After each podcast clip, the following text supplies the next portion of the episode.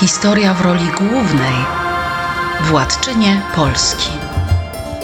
W poprzednim podcaście poznaliśmy ledwie zarys postaci kobiety, która nosiła imię Judyta. Nie jest zbyt znana, a w Wikipedii poświęcono jej tylko parę zdań, które zupełnie nie oddają jej osoby. Poprzednią część zakończyliśmy w momencie, gdy dziesięcioletni Salomon oraz szesnastoletnia Judyta wzięli ślub zaraz po tym, jak armia Henryka IV odbiła Węgry z rąk króla Beli i jego popleczników. Przypomnijmy, że król Bela poślubił siostrę króla Kazimierza Odnowiciela Adelaidę i przez większość swojego życia mieszkał w państwie Piastów. Możemy powiedzieć, że historia zatoczyła koło, bo jak kiedyś Bela musiał uciekać, tak teraz robili to jego synowie Gejza i Władysław. Podobnie jak ojciec, udali się do najbliższej rodziny, Piastów, po pomoc i ją otrzymali. Czy przyjmował ich Bolesław II, czy jeszcze Maria Dobroniega, tego nie wiemy. Ale nawet jeśli robił to już jej syn, to szedł szlakiem wytyczonym przez matkę. Historia w roli głównej odkrywamy przeszłość. W tym czasie na Węgrzech entuzjazmowano się nowym władcą tak długo, jak długo stacjonowało wojsko cesarza Henryka IV. Ledwie się wycofali, a poddani przestali świętować. Zmarły Bela uchodził za władcę charyzmatycznego, sprawiedliwego i niezwykle odważnego. Jeden z historyków węgierskich pokusił się nawet o stwierdzenie, że był człowiekiem drobnej postury, ale wielkich zalet osobistych. Teraz jego miejsce zajął dzieciak, który nie mógł rządzić samodzielnie, a od małego był uczony, jak się kłaniać przed innymi. A żeby tego było mało, ledwo Niemcy się wycofali, a do kraju wkroczyli polscy rycerze z synami Beli na czele. Judyta wycofała się na granicę z Niemcami i tam postanowiła czekać na posiłki arcybiskupa Annona, tego samego, który teraz był regentem Rzeszy. W tym samym czasie synowie Beli zajęli większość kraju. Nic nie stało na przeszkodzie, aby Gejza zdobył Białogród i koronował sam siebie, tak jak kiedyś uczynił to jego ojciec. On jednak zdecydował przerwać krąg ciągłych walk i rozlewu krwi. Poszedł na kompromis, bolesny, ale dający szansę uniknięcia kolejnych wojen.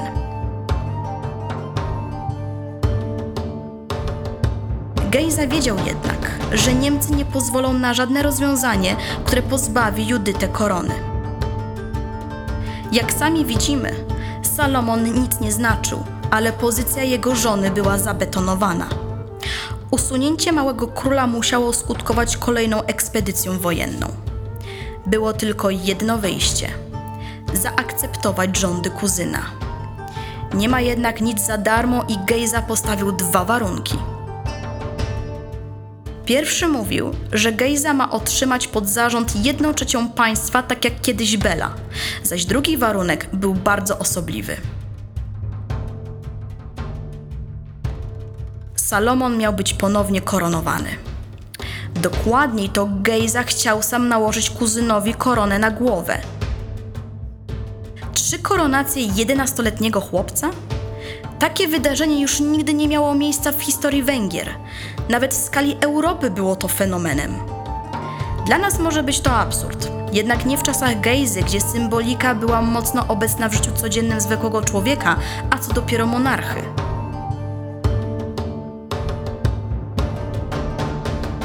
Gejza wiedział, co robi. Dawał jasny sygnał i naśmiewał się z gestu koronacyjnego cesarza Henryka IV. Jakby mówił wyraźnie, że poddaje się władzy dziecka, ale to on zapewnił mu tron i tylko dzięki jego dobrej woli może rządzić.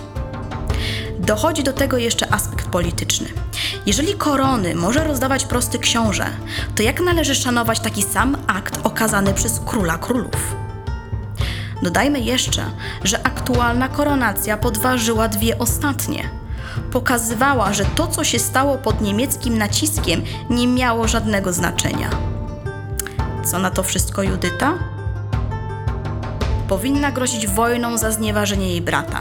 Podkopano fundamenty, na których opierała się cała jej pozycja. Myślę, że wręcz oczekiwano od niej buntu i gniewu. Jednak ona doskonale wiedziała, co się dzieje w Rzeszy. Jej brat był władcą tylko na papierze. Był marionetką w nie mniejszym stopniu niż jej własny mąż. Henryk IV nadal był sterowany przez arcybiskupa, który obalił rządy jej matki. Gdyby opierała się na niemieckich doradcach i posiłkach z Rzeszy, sama siebie wpędzałaby w ramiona wrogów jej rodziny. Zauważyła, że zabieg Gejzy można wykorzystać dla siebie. Na Węgrzech rozpoczęły się czasy rządów dwóch kobiet. Salomon nadal we wszystkim słuchał matki, a głównym jego doradcą została żona. Owinęła sobie chłopaczka wokół palca. Co ciekawe, synowa i teściowa nie rywalizowały ze sobą, jak to zwykle w historii bywało, tylko podjęły zgodną współpracę. Młody Salomon, kontrolowany przez dwie kobiety, posłusznie współpracował z Gejzą. A ten chyba wszedł nawet w rolę monarszego mentora. Wspólnie brali udział w państwowych świętach, walczyli przeciwko Czechom, aż wreszcie rozgromili Pieczynków. Stan idealny trwał przez 7 lat, czyli tak długo, jak Salomon słuchał żony i matki, aż w końcu postanowił się usamodzielnić i dowieść, że sam potrafi rządzić krajem. W 1071 roku Salomon miał już 18 lat i dość drwiących komentarzy. Nie chciał, aby widziano w nim mamisynka i pantoflarza. W jego otoczeniu byli ludzie, którzy podważali zasadność rządów dwóch kobiet. Podjudzali króla, by usadził matkę oraz żonę, a jednocześnie sami chętnie zajęliby ich miejsce u boku króla. Najbardziej skutecznym w szczuciu okazał się hrabia Wit. To on sączył powoli truciznę do ucha króla, że dopóki nie przejmie całkowicie władzy, to może zapomnieć o pokoju. Sugerował mu, że musi pozbyć się kuzyna Gejzy. 24-letnia Judyta właśnie traciła władzę, ale tego nie zauważała, gdyż była przekonana, że Salomon tańczy tak jak ona mu zagra. Mało tego, doszło do otwartej wojny Węgier z Bizancjum. Węgrzy oberwali tajemniczym greckim ogniem, a była to destrukcyjna mieszanka na bazie ropy naftowej. Po dwóch miesiącach oblężenia twierdzy przez Węgrów zapruszony ogień zmusił obrońców do poddania się. Postawili jeden warunek – poddadzą się nie królowi, a księciu Gejzie, którego uważali za człowieka bardziej honorowego i pewniejszego partnera do rozmów. Salomon od dawna podjudzany, że Gejza knuje przeciwko niemu, uznał taki układ za jawny akt zdrady. W pobliżu zaś nie było ani Judyty, ani matki, które przemówiłyby mu do rozumu. Salomon publicznie poniżył kuzyna i należną mu część łupów oddał hrabiemu Widowi. Zanim wrócili do domu, sprawy zaszły za daleko. Salomon zresztą nie chciał już słuchać ani matki, ani żony. Teraz kierował nim Wit, a żona mogła tylko patrzeć, jak wali się to, na co pracowała przez ostatnie lata. Salomon próbował nawet zabić Gejzę, ale szybko o tym dowiedział się sam książę. Wojny domowej nie dało się już uniknąć. Przewaga Salomona była ogromna a poddani pamiętający horror bratobójczych walk niezbyt chętnie gromadzili się pod sztandarem Gejzy. Pomimo przewagi liczebnej armii, Salomon był marnym dowódcą i szybko został zepchnięty do defensywy, zwłaszcza wtedy, gdy hrabia Widz zginął na polu walki. Rozgromione wojska rzuciły się do ucieczki, a Gejza nie miał litości. Salomon trafił na granicę z Niemcami, gdzie czekały na niego wściekłe Judyta i Anastazja. Besztany młodzieniec był tak wściekły, że zamachnął się na matkę. Ciosu jednak nie zdołał wyprowadzić powstrzymany w ostatnim momencie przez Judytę. W tej chwili małżeństwo cesarzówny z Salomonem dobiegło końca. Formalnie obowiązywało, ale w rzeczywistości było coraz mniej przydatną fikcją. Gejza bez problemu przejął całe Węgry, a Salomon dalej się ośmieszał i pogrążał.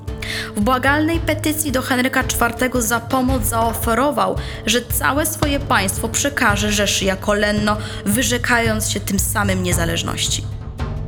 Jeżeli istnieli jeszcze jacyś poplecznicy Salomona, to on sam właśnie pchnął ich w ramiona Gejzy. A Henryk? Wyrósł na człowieka małostkowego, kłótliwego i upartego, a każdy pakt traktował jednostronnie. Nie było też w jego otoczeniu arcybiskupa Annona, który łagodziłby zapędy zapalczywego młodzieńca. Myśl, że Węgry stałyby się prawie jedną z prowincji Rzeszy była na tyle kusząca, że udzielił pomocy Salomonowi, licząc, że czeka go zwykła igraszka, formalność, a nie wojna. Pogłoski. Pogłoski o obietnicy szybko się rozeszły i po paru tygodniach Henryk wiedział, że ekspedycja jest skazana na porażkę. Gej zastosował taktykę spalonej ziemi. Niemcom kończyły się zapasy, konie padały, a chłopi ukrywali zboże. Henryk zarządził odwrót. Żeby było mało, Judyta wróciła razem z nim do Rzeszy, całkowicie porzucając męża nieudacznika. Gdy Salomon wegetował w twierdzy na pograniczu, Judyta udała się do Ratyzbony. W mieście, w którym doceniano kobiety i pozwalano im się realizować, na pewno znalazła wiele towarzyszek do rozmowy. To tutaj powstał kodeks Uty. To tutaj mniszki przygotowywały płaszcze dla cesarza Henryka II i jego żony. Ratyzbona była ośrodkiem kobiecego rzemiosła i miastem rozsmakowanym w sztuce. Tu też znajdował się jeden z najlepszych ośrodków kształcenia, gdzie kobiety zyskiwały edukację na poziomie niedostępnym nawet samym cesarzom. Jednak Judyta zmęczona mężem nie była zmęczona noszeniem korony. Chciała wrócić na tron.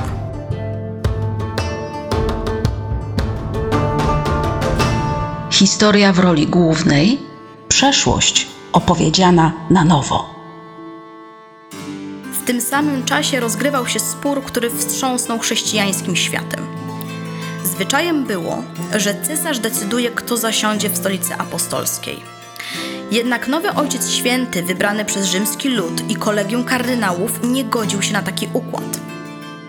Grzegorz VII, który rozpoczął swój pontyfikat w 1073 roku, wprowadził wiele reform.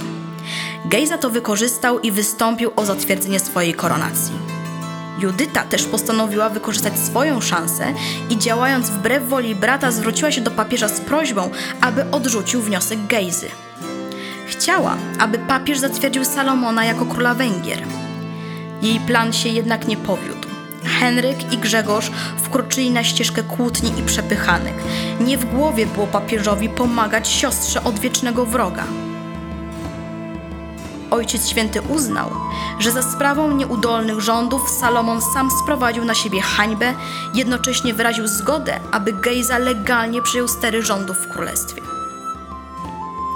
Gejza umiera w 1077 roku, a Salomon nawet nie wyciąga rąk po władzę, którą przejmuje brat poprzednika Władysław, zwany później świętym. Salomon oficjalnie abdykuje w 1080 roku i uznaje władzę Władysława. Z perspektywy Judyty było to upokorzenie, ale jej nikt nie mógł zmusić do odstąpienia od tytułu monarszego. Salomon zaś zamiast skorzystać z luksusów, jakie oferował mu Władysław, zaczął spiskować przeciwko niemu. Robił to tak nieudolnie, że wszystko wyszło na jaw, a on sam został zamknięty w twierdzy w Wyszehradzie, gdzie trzymano go w ścisłej izolacji. Kiedy Władysław ugruntował swoją władzę i doprowadził do kanonizacji swojego poprzednika Stefana oraz zrobił go patronem kraju, wielkodusznie wypuścił Salomona. Zrobił to publicznie, aby zanotowano ten fakt we wszystkich kronikach. Uwolniony Salomon udał się do Ratyzbony prosić o wsparcie u żony i szwagra. Judyta nie chciała się z nim spotkać, a cesarz odmówił audiencji. Poniżony Salomon poszedł szukać pomocy na Bałkanach. Obiecał im całą Transylwanię oraz zgodził się poślubić córkę wodza kumańskiego. Horda wkroczyła na tereny Węgier i została rozgromiona.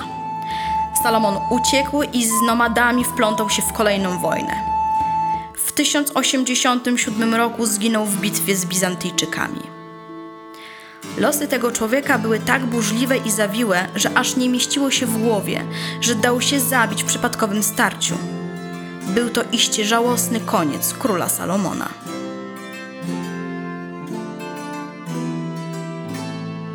W tym czasie o Judycie krążyły różne plotki. Była na językach całej Ratyzbony i połowy cesarstwa. Mówiono, że Henryk zaczął się rozglądać za nowym mężem dla siostry. Istnieje parę wzmianek o tym, że cesarz chciał jak najszybciej pozbyć się Judyty ze swojego otoczenia. Pewien anonimowy mnich zanotował, że Henryk miał kłopoty z siostrą, ponieważ ta nie potrafiła godnie służyć. Jedni twierdzą, że chodziło o złe prowadzenie się Judyty, a inni, że poszło o pieniądze. Henryk, przytłoczony wojną domową, sporem z papieżem, nie miał już środków, aby utrzymać siostrę na odpowiednim poziomie. Jednak zdaniem Przemysława Wieszewskiego Henryk nie był w stanie uchronić Judyty przed pomówieniami i paszkwilami, jakoby miała wielu kochanków i źle się prowadziła. Należało chronić jej dobre imię, a w tym pomogłoby odpowiednie małżeństwo. Nie było to łatwe zadanie. Judyta była wdową, zatem uważano, że wdowa powinna założyć klasztorny habit i oddać się modłom. Nie pomogły też ciągłe spory Henryka o wiek Judyty. Właśnie stuknęła jej czterdziestka. Ktokolwiek by ją poślubił, musiał się liczyć z tym, że nie powije żadnych dzieci. Henryk spojrzał w najbardziej zaskakującym kierunku. W 1088 roku brat poinformował ją, że zostanie nową polską władczynią. Jednak jak w ogóle do tego doszło? By zrozumieć, co kierowało Henrykiem IV, musimy skupić się przez chwilę na naszej rodzimej historii. Posłuchajcie o tym, jak Bolesław ze Śmiałego stał się szczodrym oraz jak Władysław Herman wkroczył na tron Polski i stał się mężem Judyty. Historia w roli głównej. Podróże do przeszłości. Polska nigdy wcześniej nie miała żadnego księcia ani króla imieniem Władysław, a to tworzy istną zagadkę. Jak już wiemy z poprzednich podcastów, imiona w średniowieczu nadawano nie bez powodu. Stanowiły nie tylko wyraz rodowej tradycji, ale również wyrażało nadzieję, jaką wiązano z dzieckiem noszącym takie imię. Imię Władysław jednak nie miało dużego ładunku znaczeń jak Bolesław czy Mieszko. Jest jedna teoria, choć nie wiadomo czy prawdziwa. Według niej piastowski książę nieprzypadkowo nosił to samo miano co król Węgier Władysław Święty. Ich ojcowie, czyli Kazimierz Odnowiciel oraz Bela byli towarzyszami broni, a poprzez ślub Beli z Adelaidą też rodziną. Być może czerpiąc z tradycji Arpadów, nadali to samo imię jednocześnie urodzonym synom. W ten sposób mogli podkreślić, że doszło do połączenia dwóch dynastii i że stworzono więź praktycznie niemożliwą do rozerwania. W roku 1088 polski książę był mężczyzną w średnim wieku, niewiele starszym od Judyty. O ile losy naszej bohaterki jesteśmy w stanie odtworzyć, o tyle początki kariery Władysława giną w pomrokach dziejów. Co o nim wiemy? Był młodszym bratem Bolesława II i to już spychało go na margines historii. Nie był jak Bela czy Gejza rzutkim politykiem, którego do działania pchały ambicje i wola władania krajem. W przeciwieństwie do węgierskich kuzynów przez całą młodość siedział cicho i się nie wychylał. Kiedy jego brat sam siebie koronował, tym samym zasługując na przydomek śmiały, nadal nie wnosił sprzeciwów. Aż do 1079 roku książę praktycznie nie istnieje, ale nawet wtedy nie wkroczył na arenę dziejów z hukiem. Gal Anonim nie wspomina też, aby Władysław brał udział w buncie przeciwko bratu. Nawet kadłubek nie zająknął się o postaci królewskiego brata. Znamy tylko efekt rebelii. Gdy Bolesława usunięto z drogi, to Władysław zajął jego miejsce. Czy wiedział, że coś się szykuje? Być może. Możliwe, że sami buntownicy mogli chcieć go wykorzystać, ale widząc, że nie ma zaciekłości piastów, postanowili go sprowadzić do roli szmacianej lalki, za której sznurki pociągali rebelianci. Nie przegnano go wraz z bratem i szwagierką, a zamiast tego wepchnięto na tron. Jestem wam winna wyjaśnienie, dlaczego w ogóle Bolesław II został przegnany z kraju. Bolesław spełniał wszelkie pokładane w nim nadzieje. Chorobliwie pragnął sukcesów. Najlepiej czuł się w siodle wraz z żołnierzami, a nie w pałacowych salach. prowadził krwawe boje na Pomorzu i z Czechami oraz podobnie jak pradziad Bolesław Chrobry wjechał triumfalnie do Rusi Kijowskiej. Widział siebie w roli rozdawcy tronów. W końcu to dzięki jego pomocy Gejza uzyskał tron na Węgrzech i osadził Izysława na kijowskim tronie. Brak monarszej skary coraz bardziej go uwierał. Nie mieściło mu się w głowie, że królem może być nieudacznik Salomon, podczas gdy on rządzi nie z łaski Bożej, ale tylko dzięki prawom przodków. Co więc zrobił Bolesław? Wysłał petycję do papieża, prosił cesarza o wsparcie? W 1076 roku sam siebie koronował na króla Polski. Bolesław od lat był utwierdzany w przekonaniu, że tylko jeden człowiek jest godzien decydować, czy Polska ma prawo powrócić do rangi królestwa. On sam. Kamil Janicki napisał, że Bolesław stale dowodził, że Polak potrafi, a zbiedniałe i wyniszczone państwo nadal może rozpychać się na mapie Europy. Wielka zapalczywość, gorąca krew piastów i niepohamowane ambicje pchały go do kolejnych sukcesów. Miał też ogromne szczęście, gdyż kraje ościenne zżerały konflikty wewnętrzne, aż w końcu Henryk IV postanowił utrzeć nosa dumnym piastom. Zanim jednak dotarł do brzegów Odry ze swoim wojskiem, jego właśnie poddani wypowiedzieli mu posłuszeństwo, więc musiał szybko zawracać i gasić płomienie buntu na swoim podwórku. Rex Largus, król hojny, szczodrobliwy. Takie miano przylgnęło do Bolesława II, ale tak naprawdę powinien nosić miano króla rozrzutnego. Nie wahał się inwestować majątku w kolejne ekspedycje, interwencje. Problem polegał na tym, że płacił pieniędzmi, których nie posiadał. Budował królestwo na kredyt. Za sprawą hojności zjednywał sobie posłuszeństwo dworzan, doradców i żołnierzy. Pacyfikował nastroje wśród możnych i podporządkowywał swojej woli kościół. Tylko, że z czasem zaczął rozdawać pieniądze, które były coraz mniej warte. W końcu doprowadził do bankructwa, a finansowy kryzys podkopał jego pozycję. Kraj zmierzał do ruiny, a władca coraz silniej pokazywał, że marzą mu się rządy silnej ręki. Poddanym kazał zaciskać pasa, a sam nie chciał słuchać żadnych protestów. Dokładnych źródeł rodzącej się rebelii możemy się jedynie domyślać. Gal Anonim milczał o buncie, jak to on, kiedy należało pewne rzeczy przemilczeć, a Wincenty Kadłubek uznał, że wszystkiemu były winne kobiety. Kadłubek rozsławił legendę, w której rzekomo niewierne niewiasty oddawały się harcom z niewolnikami służbą, kiedy dzielni rycerze walczyli wraz z Bolesławem na Rusi. Wściekli małżonkowie wrócili do swoich żon, aby ukarać niewiernych chłopów, a król ze szczodrego i śmiałego zmienił się w potwornego tyrana.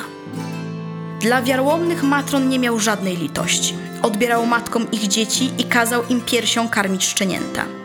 Biskupia opowieść była stekiem bzdur, ale nie da się wykluczyć, że do relacji trafiło kilka drobnych kawałków prawdy.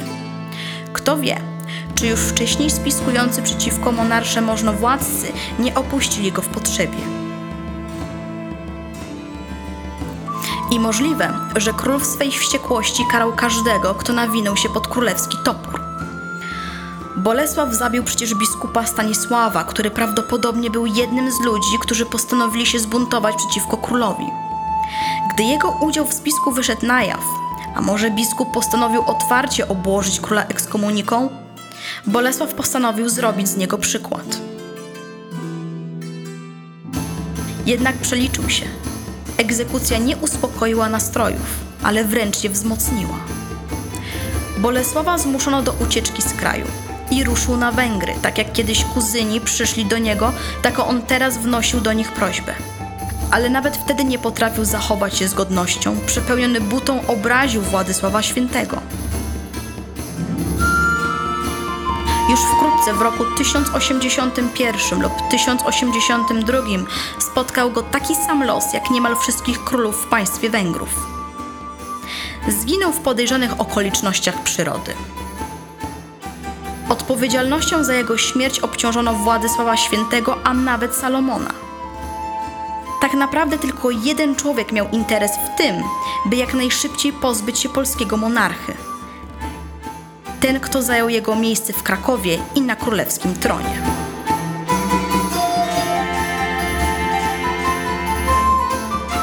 Historia w roli głównej władczynie Polski.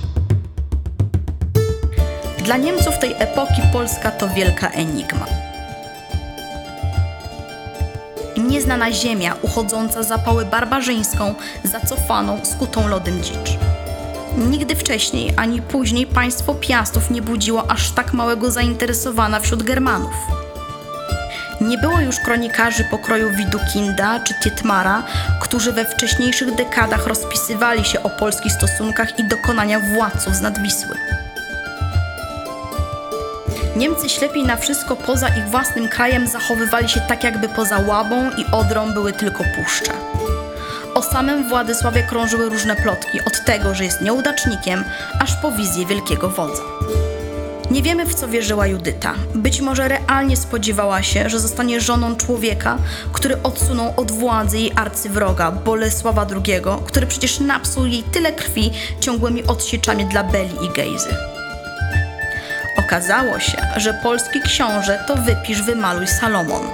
Ta sama chwiejna natura, ten sam brak charyzmy. I dodajmy do tego zero aspiracji. Judyta jednak uznała, że musi brać życie takim, jakim jest. Otrzymała szansę, aby znów stać się królową z prawdziwego zdarzenia i nie zamierzała pozwolić, aby ktokolwiek odebrał jej tron i należną władzę. Nawet jeśli w tym celu musiała ubrudzić sobie ręce krwią. W kolejnej i ostatniej części o Judycie poznamy jej losy w kraju nad Wisłą. Jaką była żoną dla Władysława? Czy rzeczywiście miała romans? Oraz czy jej knowania sprawiły, że dynastia Piastów by się rozpadła? Na te oraz inne pytania postaram się odpowiedzieć już w kolejnym odcinku. Nazywam się Adrianna Adamska, a to jest historia w roli głównej.